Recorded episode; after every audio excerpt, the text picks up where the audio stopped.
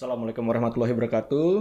Uh, halo health leaders, selamat datang kembali di acara podcast kita Buka Mata Buka Hati. Sebuah podcast tentang cerita kepemimpinan yang inspiratif, penuh inisiatif, dan inovatif di bidang kesehatan. Mulai dari diri sendiri untuk aktif membangun negeri. Untuk episode kali ini, uh, saya yang akan menjadi hostnya, Dr. Fahri Rahman, spesialis urologi. Dan untuk episode kali ini juga kita akan kedatangan seseorang yang saya rasa bisa memberikan kita banyak pengalaman nih ya. Walaupun masih muda, tapi saya rasa banyak pengalaman yang bisa dibagikan, yang bisa di-sharingkan ke kita sehingga kita bisa sama-sama belajar hari ini. Jadi selamat datang Dok Dokter Diki. Selamat pagi, Dr. Fahri. Selamat pagi. Ya, jadi hari ini kita akan uh, bersama dengan Dr. Diki Levenus Tahapari, spesialis penyakit dalam, uh, konsultan dari endokrin, metabolik, dan diabetes ya dok ya? Iya dok. Oke, dan beliau adalah salah satu ahli diabetes gitu ya, ahli endokrin dari uh, Rumah Sakit Cipto Mangunkusumo Jakarta. Nah, gimana nih kabarnya dokter Diki nih hari ini? Baik, baik Dokter Fahri. Dokter Fahri apa kabar? Baik, baik juga. Semoga kita semua sehat selalu ya. Iya, iya, iya. Semoga kita sehat-sehat selalu nih karena lagi masa pandemi seperti ini nih ya dok Iya, ya. Mungkin sebelum kita mulai lebih jauh nih, hari ini dok, mungkin dokter Diki bisa cerita nggak nih, kira-kira kesibukannya lagi apa ya dok ya, akhir-akhir ini dok? Ya, sekarang ya sebagai staf di RSCM ya kita masih sibuk di pendidikan masih ya Dokter Fahri ya, di pendidikan, di pelayanan juga masih. Kita sekarang juga ada rencana untuk penelitian ya, pengembangan salah satunya yang dari Kementerian Kesehatan kan penelitian tentang genomik ya, genomik pada Oh, diabetes. iya, iya, iya, salah iya, satu iya. yang sekarang uh, sedang menjadi fokus nih di RSCM sepertinya nanti ke depannya. Oh iya, dokter dokter Diki jadi ketuanya ya di sana ya untuk genomik ya? Bukan ketua lah, nih kita diminta untuk bantuin aja sama Oh, Bu, Bu Dirut iya, iya, untuk iya, bantuin apa setup ya, setup penelitian genomik diabetes di RSCM. Memang fokusnya di bagian diabetes ya dok ya? Iya, sepertinya dari Kementerian Kesehatan ke arah sana ya, karena kan memang masalahnya cukup besar ya di Indonesia ya. Iya iya iya iya. Ya. Saya juga mendengar dokter Diki nih ya spesialis endokrin metabolik diabetes. Saya kepikirannya sih memang diabetes ya dok ya karena kayaknya nih dari dulu sampai sekarang nih masalahnya ya bisa dibilang sulit tuntas gitu ya dok ya. Nah sebagai ahli yang memang bergerak di bidang itu dok, apa sih dok masalahnya sekarang ini dok? Kira-kira menurut dokter Diki? Ya, kalau kita bicara masalah endokrin gitu ya, itu diabetes, metabolisme kan cukup luas sebenarnya ya. Ada masalah diabetes yang masyarakat sering dengar, ada masalah tiroid, ada juga kita bicara masalah obesitas, misalkan ada masalah endokrin eh, yang lainnya. Nah, kalau kita bicara diabetes, memang masalahnya kan sangat besar ya. Pertama, misalkan proporsi penduduk Indonesia dengan diabetes dari tahun ke tahun itu terus naik gitu, Dr. Fahri. Sekarang satu dari 10 penduduk dewasa di Indonesia mengalami diabetes. Yang jadi masalah bukan hanya itu sebenarnya. Jadi masalah adalah sebagian besar kasus, bahkan lebih dari 80% tidak terdiagnosis gitu, kalau nggak dilakukan Oke. screening. Kemudian kedua dari yang sudah terdiagnosis dan sudah berobat, yang bisa terkendali gula darahnya juga di bawah 30%. Kemudian dari yang sudah berobat, sudah kita evaluasi, itu banyak yang timbul komplikasi juga gitu. Misalkan komplikasi jantung itu sekitar satu dari lima penyandang diabetes di Indonesia. Kemudian komplikasi mata misalkan satu dari tiga. Kemudian komplikasi ginjal itu juga cukup sering. Kita penelitian kita di Bogor sama di Puskesmas di DKI Jakarta itu mencapai 40 sampai 50% penyandang diabetes ternyata ada komplikasi di ginjal. Nah, itu yang menyebabkan kan beban biaya kesehatan juga besar ya. Betul betul iya, betul betul baik betul ya. karena komplikasinya di BPJS kan salah satu yang paling tinggi itu ya, penyakit jantung sama ginjal ya. Baik secara direct medical cost atau biaya kesehatan langsung maupun biaya kesehatan yang tidak langsung. Pasien harus berobat ke rumah sakit, harus dirawat gitu kan. Nah, yang problem sekarang banyak yang usia muda tuh Dr. Fahri, Hmm. bukan cuma di atas 50, sekarang yang di bawah 45 tahun pun cukup banyak gitu. Bahkan seperempat dari seluruh penyandang diabetes di Indonesia gitu. Ya, ya, ya, ya, ya. Jadi memang cukup besar sekali masalahnya ya dok ya. Jadi kalau saya rasa nih kalau masalah sebesar ini sebenarnya kita nggak cuman butuh intervensi yang biasa-biasa saja ya dok ya. Kita butuh sebuah inovasi gitu sebenarnya untuk menangani ini. Nah, saya dengar nih dokter Diki nih banyak melakukan penelitian, banyak melakukan inovasi gitu. Boleh nggak cerita ke kita nih, kira-kira inovasi atau penelitian apa sih yang dokter Diki sudah pernah lakukan gitu, terutama mungkin di bidang diabetes ya dok ya, yang mungkin cukup berkesan gitu. Kalau saya bilang berkesan di sini mungkin maksudnya adalah bukan cuma berkesan karena susah ya bikin penelitian, karena saya tahu nih bikin penelitian tuh rasanya susah banget gitu. Kadang-kadang kita banyak obstacle-nya yang kita mungkin sulit gitu. Tapi kalau buat saya berkesan ini maksudnya ternyata nih dari inovasi yang dokter Diki buat atau dokter Diki lakukan gitu ya, ternyata bisa membantu nih dalam penanganan diabetes. Kira-kira ada nggak dok? Ya mungkin saya cerita dulu kali ya. Dulu kan Hmm. sebenarnya eh, saya bergabung di penyakit dalam tuh diajak sebenarnya sama Prof Pradana waktu itu. Oke. Kemudian waktu mau ngambil S3 juga diarahkan beliau untuk penelitian mengenai diabetes. Nah kebetulan waktu itu eh, saya pergi ke ini ke daerah Flores di Hmm. Nangapanda, daerah daerah rural di Nangapanda. Hmm, hmm. Jauh lah dibanding kalau Jakarta ya, maksudnya daerah Iya, rural iya. di sana. Saya tinggal di sana kurang lebih cukup lama ya 1 sampai 2 tahun. Nah, di sana saya banyak belajar gitu dalam melakukan penelitian terkait misalkan diabetes. Ternyata kan diabetes itu nggak sesimpel hanya kebanyakan makan, kurang olahraga kan, banyak faktor yang lain gitu, termasuk faktor kultur, faktor interaksi dengan infeksi yang lain misalkan, atau faktor-faktor lain yang turut mempengaruhi. Dan ternyata masalah diabetes nggak hanya di kota-kota besar gitu, Dr. Fahri, di kota di daerah remote area sekalipun itu udah mulai naik gitu angka diabetesnya, obesitasnya mulai naik.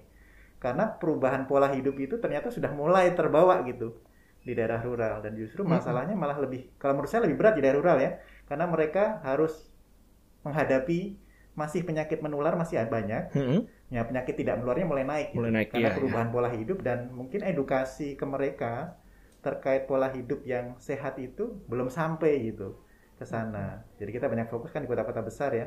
Nah di daerah rural ini justru perlu menjadi fokus yang penting gitu. Karena kalau kita bicara eh, daerah rural Indonesia itu nggak sama dengan Jakarta kan, alat pemeriksaannya aja juga jarang, tenaga medisnya juga kurang. Saya di Nangapanda itu tinggal di Kecamatan Nangapanda, dokternya cuma satu, dokter umumnya. Kebetulan saya ke sana waktu itu barengan sama tim. Nah, saya belajar banyak juga. Waktu belajar ke sana itu penelitian ke sana, kita itu saya dokter sendiri, kemudian yang lainnya tim multidisiplin. Ada perawatnya, ada orang tekniknya, ada orang biologinya gitu. Nah, kita belajar untuk bisa membuat tim yang baik ya, tim yang baik untuk mengedukasi masyarakat, untuk melakukan penelitian gitu. Dan pendekatan multidisiplin itu saya rasa perlu di diperkuat gitu, Hmm. termasuk dalam pengelolaan diabetes. Gak bisa cuma dokter sendiri yang ngelola diabetes gitu. Setuju dok, ada setuju. aspek pencegahan, aspek peningkatan awareness masyarakat. Itu teman-teman dari ilmu sosial perlu diajak gitu. Mungkin mereka punya lebih punya pendekatan yang bisa masuk gitu ya ke masyarakat ya dibanding kita gitu dokter yang mungkin secara secara apa ya secara akademik kita menguasai ilmunya tapi mungkin dalam pendekatan sosialnya mungkin lebih bagus teman-teman itu. Jadi intinya harus team up lah team up dengan teman-teman lain yang di disiplin ilmu lain gitu. Jangan semuanya dokter gitu kita harus dengan expert dari bidang ilmu lain juga gitu. Nah, itu saya rasa yang perlu dikembangkan ke depan gitu nggak hanya dokter jadi garda terdepan nggak tapi teman-teman dari ilmu sosial dari ilmu yang lain perlu berperan gitu. Karena kalau diabetes kan nggak bicara masalah pola hidup saja masalah obat tapi lingkungan juga penting ya dok Hmm. ketersediaan makanan-makanan sehat misalkan ketersediaan makanan-makanan yang banyak kandungan gula misalkan yang tinggi kalori itu kan juga menentukan pilihan makanan seorang juga kan gitu jadi lebih lebih luas sepertinya masalahnya yang harus terlibat lebih luas Saya tertarik nih dok terkait dengan tadi dokter bilang eh sebenarnya harus bidang sosial juga harus ikut gitu ya dok ya. Kadang-kadang kita tuh nggak kepikiran ya karena bidangnya mungkin dianggap sama kita nih terlalu jauh gitu dari bidang-bidang kesehatan gitu. Jadi Iya. kita cuman kadang-kadang melibatkan yang memang di bidang kesehatan aja perawat dan lain-lain dan mungkin kadang-kadang kita mengambil dari komunitas gitu ya dok ya. Iya. Tapi eh, mengambil dari sosial itu kadang-kadang nggak kepikiran tuh buat kita. Dok- Dokter Diki udah ini udah melakukan koordinasi dengan orang-orang dari bidang sosial gitu selama ini. Ya kebetulan waktu kita ke Nangapanda waktu itu, Hmm. itu timnya memang ada tim dari ilmu sosial juga dari bagian Hmm. antropologi gitu. Jadi saya juga banyak belajar gitu, gimana mereka approach ke komunitas. Itu pendekatannya memang berbeda ya, jadi kita harus memang banyak belajar juga sama mereka gitu. Betul dok, betul menarik Ah. sekali. Dan memang ya memang nggak nggak serta merta akan mudah langsung berkolaborasi jalan gitu ya, karena kan memang backgroundnya berbeda. Tapi dengan waktu kita bisa saling belajar gitu. Mereka belajar point of view kita sebagai dokter, kita juga banyak belajar dari mereka juga gitu. Kan tujuan utamanya kan untuk kebaikan masyarakat, kebaikan pasien ya sebenarnya ya. Betul. Tapi apakah dalam skala nasional nih udah mulai ada ke arah sana nih dok sekarang nih dok? Ya, saya rasa kan usaha-usaha dari Kementerian Kesehatan sudah mulai terlihat ya dari apa melibatkan misalkan salah satunya sekarang kan inovasi yang dikerjakan misalkan dengan eh, melakukan upaya peningkatan awareness dari sisi digital misalkan kita lihat kan banyak sekali sekarang ya Ya di media betul. sosial, Fireflyer, sekarang juga Kemenkes launching misalkan aplikasi eh, apa chatbot menggunakan WhatsApp untuk edukasi terkait diabetes gitu. Eh, dan kita juga di FKWRSCM juga punya juga kolaborasi dengan teman-teman dari misalkan dari medical technology juga Hmm. untuk mengimplementasikan model-model edukasi itu dalam bentuk digital juga gitu. Jadi kita juga ajak teman-teman dari IT misalkan, gimana sih caranya buat platform edukasi yang bagus buat pasien, bisa support pasien. Nah, sekarang kita juga kembangkan ke arah sana terkait inovasi, inovasi tersebut. Jadi bukan hanya gadget dipakai untuk browsing media sosial gitu ya, tapi juga bisa untuk edukasi pasien juga, bisa hmm. untuk jadi support sistem buat pasien dalam pengelolaan diabetesnya misalkan. Oke, bagus sekali nih. Nah, kalau kita bicara tentang inovasi nih dok, ataupun uh, penelitian gitu, kan tadi dokter Diki bilang, dokter Diki banyak belajar ya waktu pergi ke daerah gitu ya, di situ banyak belajar. Tapi bagaimanapun juga, sebenarnya kan awal dari suatu penelitian atau inovasi itu kan sebenarnya ide gitu ya dok ya sebenarnya. Dan gimana tuh caranya dokter Diki biasanya dapat ide gitu untuk melakukan inovasi ataupun ngelakuin penelitian gitu dok?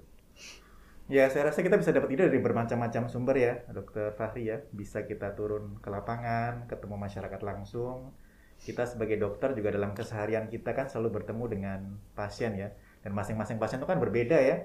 Pasien A, pasien B sama-sama diabetes mungkin apa namanya perspektifnya berbeda gitu. Nah dari situ mungkin ada terapi kita yang kok nggak optimal ya. Mungkin kita perlu evaluasi lebih lanjut. Misalkan dari sisi diabetes misalkan ya, untuk edukasi itu kan penting sekali sebenarnya diabetes. Karena kan kalau kita lihat pilar pengelolaan diabetes paling banyak adalah perubahan pola hidup gitu. Hmm. dan edukasi itu dasarnya. Tapi sering kali di praktek kita nggak punya cukup waktu gitu kan untuk menjelaskan semuanya. Oke lah kita punya pojok edukasi untuk diabetes itu bagus. Tapi kita perlu manfaatkan kan dari situ keluar ide oh kita bisa nggak membuat model pendekatan yang lebih mudah buat pasien pasien bisa akses informasinya kapan aja dengan platform digital. Tapi kita juga evaluasi ke pasien. Ternyata pasien-pasien kita, pasien-pasien di RSM misalkan, ternyata nggak terlalu suka baca dokter Fahri. Sukanya lebih suka video gitu. Ternyata dari dari penelitian dilakukan oleh mahasiswa gitu. Ya jadi kita ciptakan platform yang mungkin banyak video edukasi, banyak materi-materi edukasi dalam bentuk gambar misalkan, supaya lebih mudah mereka tangkap ya ditambah juga kita siapkan misalkan salah satu inovasi yang lain misalkan aplikasi untuk ini untuk mencatat gula darah nggak pakai catatan tangan lagi catatan gula darah nanti keluar grafiknya misalkan. Dan memberikan feedback ke pasien juga. Semacam coach pribadi gitu kita masih kembangkan hmm. gitu ya. Saya memberikan input kalau makan segini oh udah kebanyakan nih jadi makan berikutnya nggak boleh banyak-banyak misalkan. Kemudian masalah yang lain misalkan kita temukan misalkan tadi yang saya sampaikan diabetes itu kan komplikasi yang kita cegah kan sebenarnya kan. Nah sering kali evaluasi komplikasi itu terlambat gitu, nggak dilakukan secara komprehensif di awal. Tapi serba salah juga sih kalau kita evaluasi semua di awal kan biayanya juga mahal. Nah kita sekarang lagi kembangkan misalkan dengan metode prediksi gitu, pasien mana yang akan timbul komplikasi, mungkin itu kita fokus, kita screening, kita fokus, kita terapi lebih optimal supaya jangan sampai timbul komplikasi. Jadi memang dari hari keseharian itu kita timbul ini ya, timbul ide-ide yang bisa membantu pasien-pasien kita gitu. Oke. Ada lagi nggak dok yang kira-kira bisa membantu timbulnya ide-ide ide-ide seperti itu gitu dok? Karena pada dasarnya kan uh, apa namanya misalnya nih misalnya gitu. Karena dokter misalnya punya mentor gitu, hmm. jadi lebih gampang timbul ide atau punya teman kolaborasi gitu sehingga uh, bisa timbul ide-ide yang lain gitu. Karena uh, saya pengen membantu nih health leaders nih gitu ya. Karena saya ngeliat kok kayaknya penelitian di Indonesia kalau kita bandingkan dengan luar negeri ya, kita kan pakai pembanding gitu ya. Mungkin kita jumlah researchernya tuh sedikit ya. Saya nggak tahu memang ketertarikannya kurang atau sebenarnya idenya itu yang nggak datang gitu. Nah, saya mau uh, memberikan masukan dulu untuk paling nggak masalah yang idenya ini gitu, dok. Kira-kira apa yang bisa membantu kita nih dok biar ide itu tetap timbul gitu selain dari kita lihat dari masalah sehari-hari gitu. Ya ya tentu saja networking tadi penting sekali ya. Networking penting sekali untuk terus membuka komunikasi ya dengan teman-teman kita dan juga jangan cuma teman disiplin ilmu kita sendiri juga teman yang lain gitu. Karena sering kali kita melihat masalah dari aspek yang berbeda kan. Kalau itu bisa disatukan jauh lebih baik. Kemudian aspek yang kedua mentor tadi. Memang hmm. benar kita kita sangat sangat penting ya memiliki mentor yang membantu pertumbuhan kita gitu ya. Sebagai staf muda kita perlu ada mentor yang tidak hanya memberikan apa ya, tidak hanya memberikan support dari sisi akademik aja gitu dok ya, tapi juga aspek yang lain, termasuk salah satunya misalkan ide-ide penelitian, tapi juga aspek dalam keseharian kita kan, karena kan nggak mudah loh mengatur waktu kan antara pelayanan harus jalan, pendidikan ngajar masih jalan, Hmm, penelitian betul, jalan. betul. Nah itu hal-hal praktis itu yang sering kali kita nggak nggak bisa belajar, nggak tahu belajar dari mana kan. Kecuali kalau kita punya mentor yang bisa memberikan contoh dan bisa memberikan arahan-arahan ya, ya mungkin arahan kecil gitu kan. Eh, jadi bisa membantu perkembangan kita. Ya saya beruntung di di divisi saya gitu di endokrin saya punya banyak senior yang bisa memberikan contoh gitu. Masing-masing punya aspek yang menurut saya bisa ditiru gitu ya. Jadi bisa membentuk staf-staf muda itu menjadi lebih baik. Jadi menurut saya mentor yang baik itu mentor yang tidak hanya semata-mata memperhatikan akademik dari juniornya, tapi juga non akademiknya juga perhatikan, termasuk gimana tadi membagi waktu, gimana membina karir gitu ya, baik itu pelayanan maupun penelitian. Kita maunya kan seimbang kan semuanya Hmm. kan, dan itu memang nggak nggak mudah. Oke. Apa yang dokter pelajari gitu dari mentor dokter gitu terkait dengan bagaimana membagi waktu tadi gitu. Terus kemudian apakah dengan dokter ada mentor, saat ini dokter juga menjadi mentor juga gitu buat junior-junior dokter. Ya, saya rasa itu berlanjut ya apa yang kita terima dari senior-senior kita, biasa kita teruskan kan ke adik-adik kita gitu ya. Dan dari mentor-mentor itu banyak hal yang saya dapatkan gitu. Termasuk mentor itu sangat penting terutama adalah membuka networking atau kolaborasi gitu. Saya dulu ingat banget sering kali baru masuk endokrin, diajak tuh ke mana-mana sama Prof. Pradana misalkan. Waktu itu beliau ketua PB Perkeni. Ya untuk networking gitu ya untuk untuk diberikan beberapa kesempatan.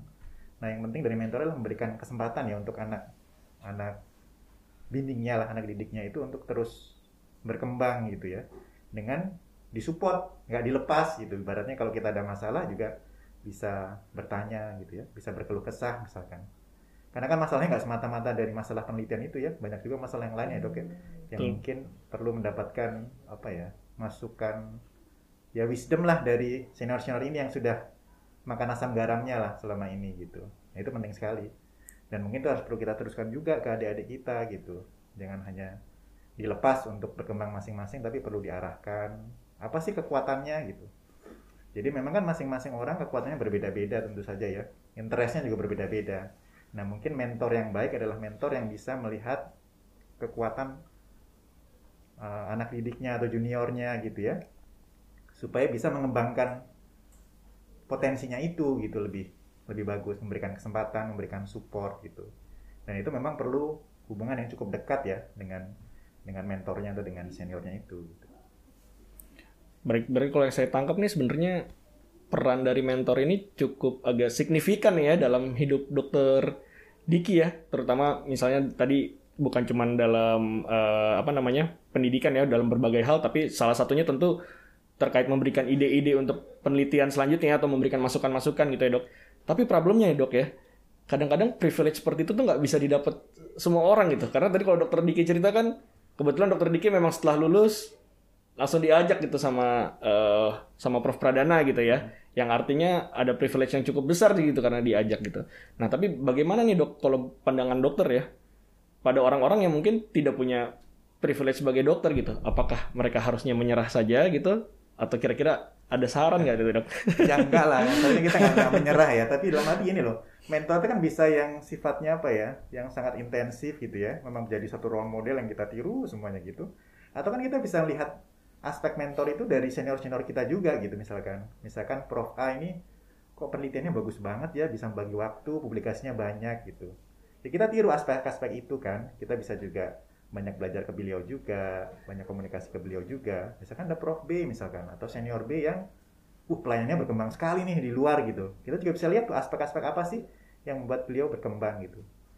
Ada juga yang misalkan aspek humasnya bagus sekali gitu sering tampil di TV segala macam memberikan edukasi masyarakat dengan baik kita juga bisa belajar juga. Dan mungkin prinsipnya kita kita ambil aspek-aspek yang menonjol dari masing-masing senior itu kemudian kita kembangkan sendiri gitu.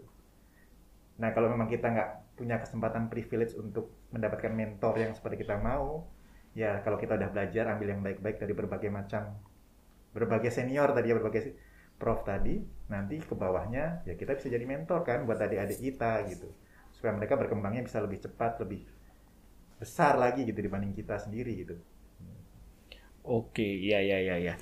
Jadi saya rasa sebenarnya kalau untuk zaman saat ini mentor bisa didapat dari mana saja sebenarnya ya dok iya, ya. kan gitu ya. luas kan sekarang kan bisa jadi nggak hanya cuma di sini tapi bisa dari luar juga kan teman-teman kolaborator di luar. Betul betul. Bahkan bagaimana kalau pandangan dokter kita nonton lihat mentor gitu dari mungkin media-media sosial gitu dari YouTube gitu. Kira-kira itu bisa nggak ya dok kayak gitu?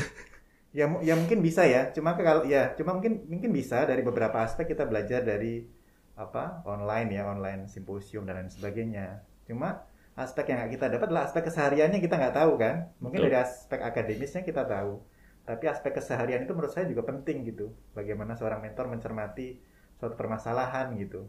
Baik itu masalah pendidikan, masalah penelitian atau pelayanan gitu ya. Atau aspek-aspek yang lain kan banyak masalah-masalah kehidupan yang mungkin timbul dan itu kita bisa lihat oh cara pendekatannya seperti ini ya gitu. Kadang-kadang kita lihat kan ada masalah A, kayaknya lebih cepat nih dengan gini gitu menurut kita, tapi ternyata beliau mungkin lebih bagus ini dulu ternyata memang lebih bagus seperti itu. Jadi kita bisa banyak belajar dari hal-hal teknis yang sehari-hari sebenarnya justru menurut saya. Baik. Ya ya, jadi saya udah dapat nih. Intinya kalau misalnya kita mau dapat ide nih, kalau dokter Diki nih untuk saat ini eh, salah satu yang berperan besar adalah mentor ya dok ya. Kemudian kita memang harus bisa untuk mengobservasi sehari-hari gitu ya dok ya. Itu kuncinya ya dok ya sebenarnya ya dua itu ya. Nah pertanyaan saya adalah, tadi saya udah ngomong nih faktor yang mendukung nih dok. Kira-kira menurut dokter ada nggak yang masih menghambat dokter selama ini kalau dokter mau melakukan inovasi ataupun mau melakukan penelitian gitu dok? Iya, saya rasa sekarang sih sudah jauh lebih bagus ya. Kita mau penelitian apa pun relatif mudah gitu ya. Banyak hibah-hibah penelitian. Kita PPDS juga serta didik banyak gitu ya yang bisa ikut serta dalam penelitian. Senior-senior yang sangat support juga sangat banyak gitu ya. Mungkin salah satu hal yang yang kita agak sulit adalah yang perlu dikembangkan menurut saya adalah manajemen waktu sebenarnya kan. Gimana kita bisa diberikan alokasi waktu yang cukup untuk mengerjakan tiga aspek yang dituntut dari kita sebagai dosen kan tridharma perguruan tinggi itu kan harus tetap jalan gitu nggak bisa kan saya cuma penelitian aja nggak pelayan nggak boleh juga gitu. Artinya ketiga itu kan saling memperkuat sebenarnya. Pelayanan itu perlu penelitian juga untuk meningkatkan pelayanan kan. Itu bisa bagian juga dari pendidikan. Pelayanan yang baik pendidikannya juga baik juga gitu dan seterusnya saling memperkuat. Itu satu. Kedua terkait dengan kolaborasi. Itu menurut saya penting untuk ditingkatkan. Seringkali kita masih penelitian sendiri-sendiri gitu. Oh saya punya ide A, guru penelitian lainnya punya ide B gitu. Mungkin terkait sama-sama diabetes, cuma yang satu lihat saya aspek klinisnya, mungkin peneliti B lihat aspek molekulernya gitu. Padahal kalau itu bisa di team up jadikan satu, itu sangat baik sekali kan. Jadi sekali jalan penelitian, semua aspeknya bisa dilihat dan hasilnya pun bisa lebih komprehensif untuk kebaikan pasien. Dan itu memang masih harus terus di apa ya dikuatkan gitu ya. Sekarang udah mulai saya lihat ya, saya mulai bagus ya, dan masih harus terus didorong supaya berkembang maju. Jadi majunya bukan sendiri-sendiri, Dokter Fahri bareng-bareng gitu majunya. Iya, betul. Nah, karena itu lebih kuat kan dengan dengan uh, bersama-sama maju gitu. Nah, saya tertarik nih bicara tentang kolaborasi nih, karena walaupun tadi dokter Diki bilang ini sudah mulai berkembang, tapi kayaknya kadang-kadang masih ada yang menghambat gitu ya. Kalau menurut dokter Diki ada faktor ego nggak nih yang menghambat kita untuk berkolaborasi gitu? Kadang kadang-kadang nih kalau health readers ya atau misalnya dokter gitu, kadang-kadang punya nggak semua sih punya ego yang tinggi gitu. Menurut dokter Diki ini pernah lihat nggak sih seperti itu gitu? Ya ya ya, ada memang ada beberapa kadang-kadang kita masalah bukan masalah ego kali ya. Mungkin karena masalah interest ya. Misalkan saya interest mengenai aspek A, peneliti B interest mengenai aspek B gitu. Yang mungkin pendalamannya kan berbeda. Ya, cuma kadang kolaborasi kadang-kadang kita harus apa? bisa mencari win-win solution gitu. Eh, mungkin saya nggak perlu periksa ini karena dananya nggak akan cukup nih kalau barengan. Ya udahlah periksa yang penting-penting aja, B periksa yang lain misalkan. Itu satu. Kemudian juga bisa melihat bukan aspeknya saya jadi berkurang dari apa, tapi justru melihat aspeknya saya bisa memberi apa, jadi supaya bisa sama-sama maju gitu.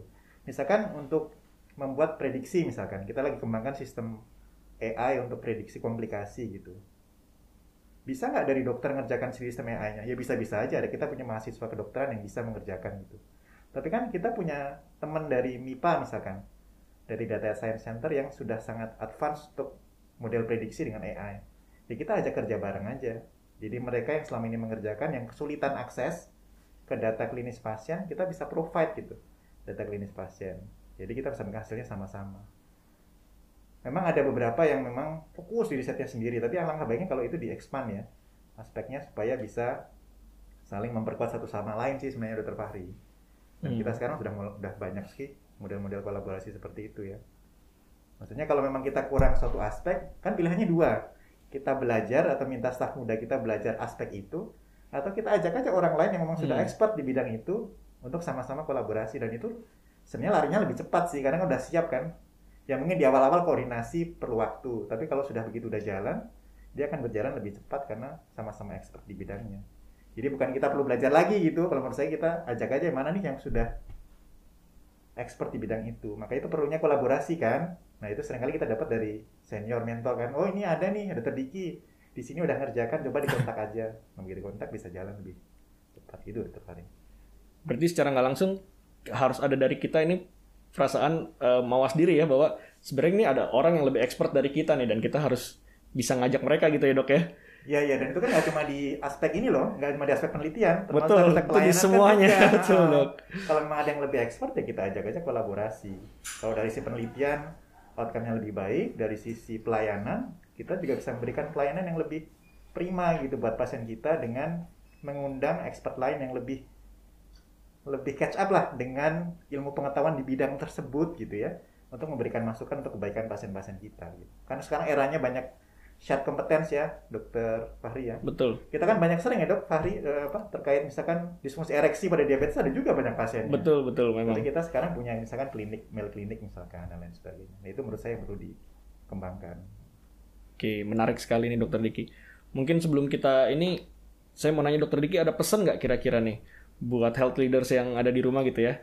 Eh, pesan gimana caranya nanti untuk bisa mengadakan penelitian seperti dokter Diki gitu, atau mungkin bisa find mentor atau apa pun? Mungkin dokter Diki ada pesan?